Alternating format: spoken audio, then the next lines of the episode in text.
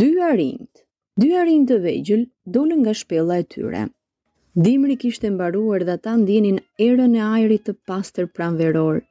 Ishte koha për t'u ngritur dhe për të luajtur pas gjumit të tyre të gjatë. Le të vrapojmë nën pemë, tha Beni.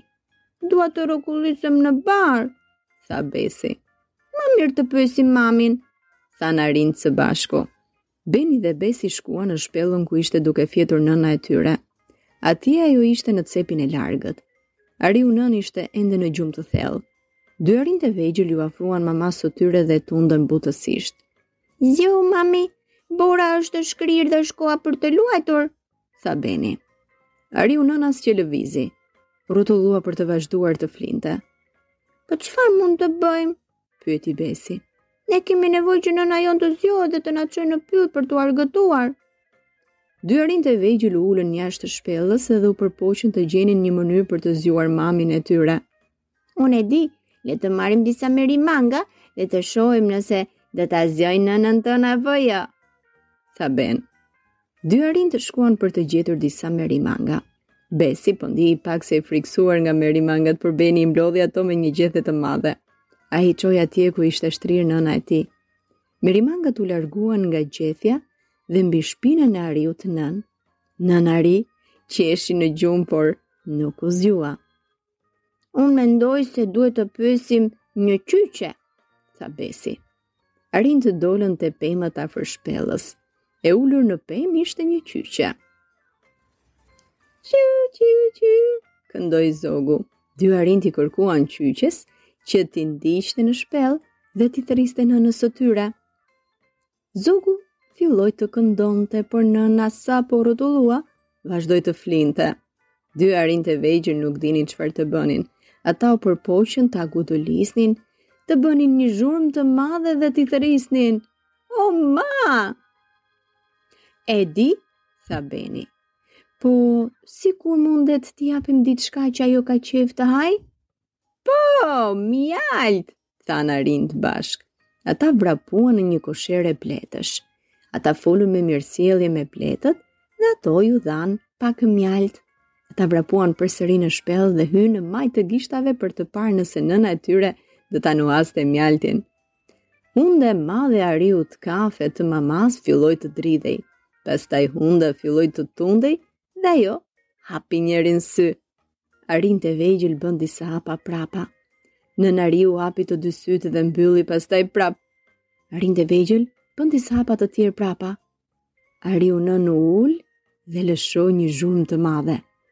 Hmm, më vjen era mjaltë, tha ajo. Ariu nënë më në fund u zgjua. Beni dhe Besi ishin shumë të lumtur.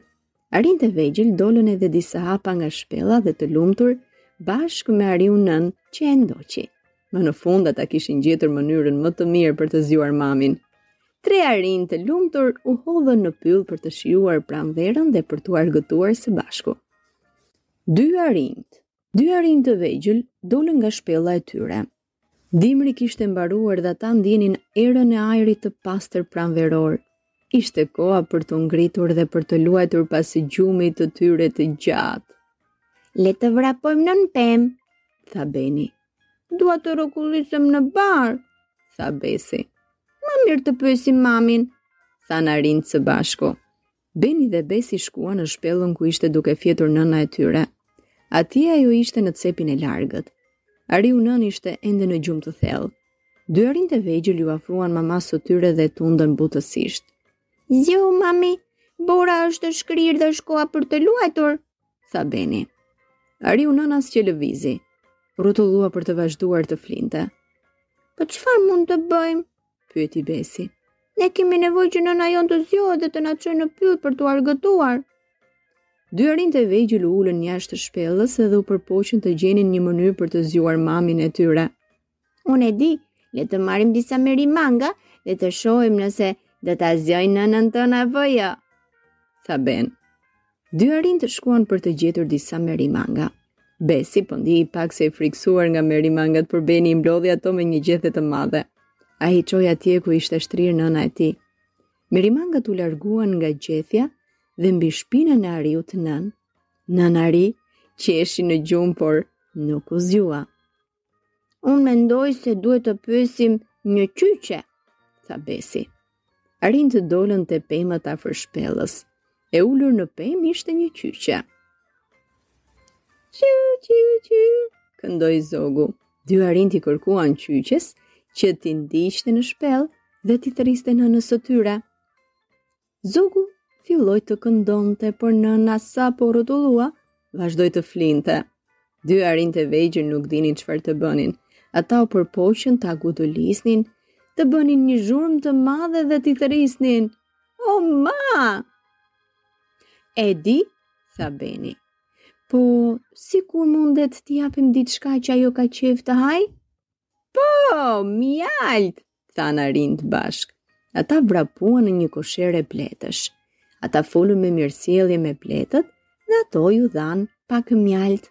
Ata vrapuan përsëri në shpellë dhe hynë në majë të gishtave për të parë nëse nëna e tyre do ta nuhaste mjaltin.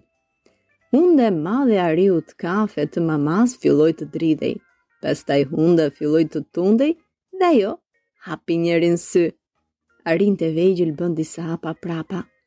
Nëna ariu hapi të dy sytë dhe i mbylli pastaj prapë. Arinjtë e vegjël bënë disa hapa të tjerë prapa. Ariu nënë u ul dhe lëshoi një zhurmë të madhe.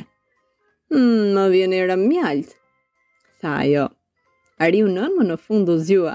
Beni dhe Besi ishin shumë të lumtur. Arinjtë e vegjël dolën edhe disa hapa nga shpella dhe të lumtur bashkë me ariun nënë që e ndoqi. Më në fund ata kishin gjetur mënyrën më të mirë për të zgjuar mamin. Tre arinj të lumtur u hodhën në pyll për të shijuar pranverën dhe për t'u argëtuar së bashku.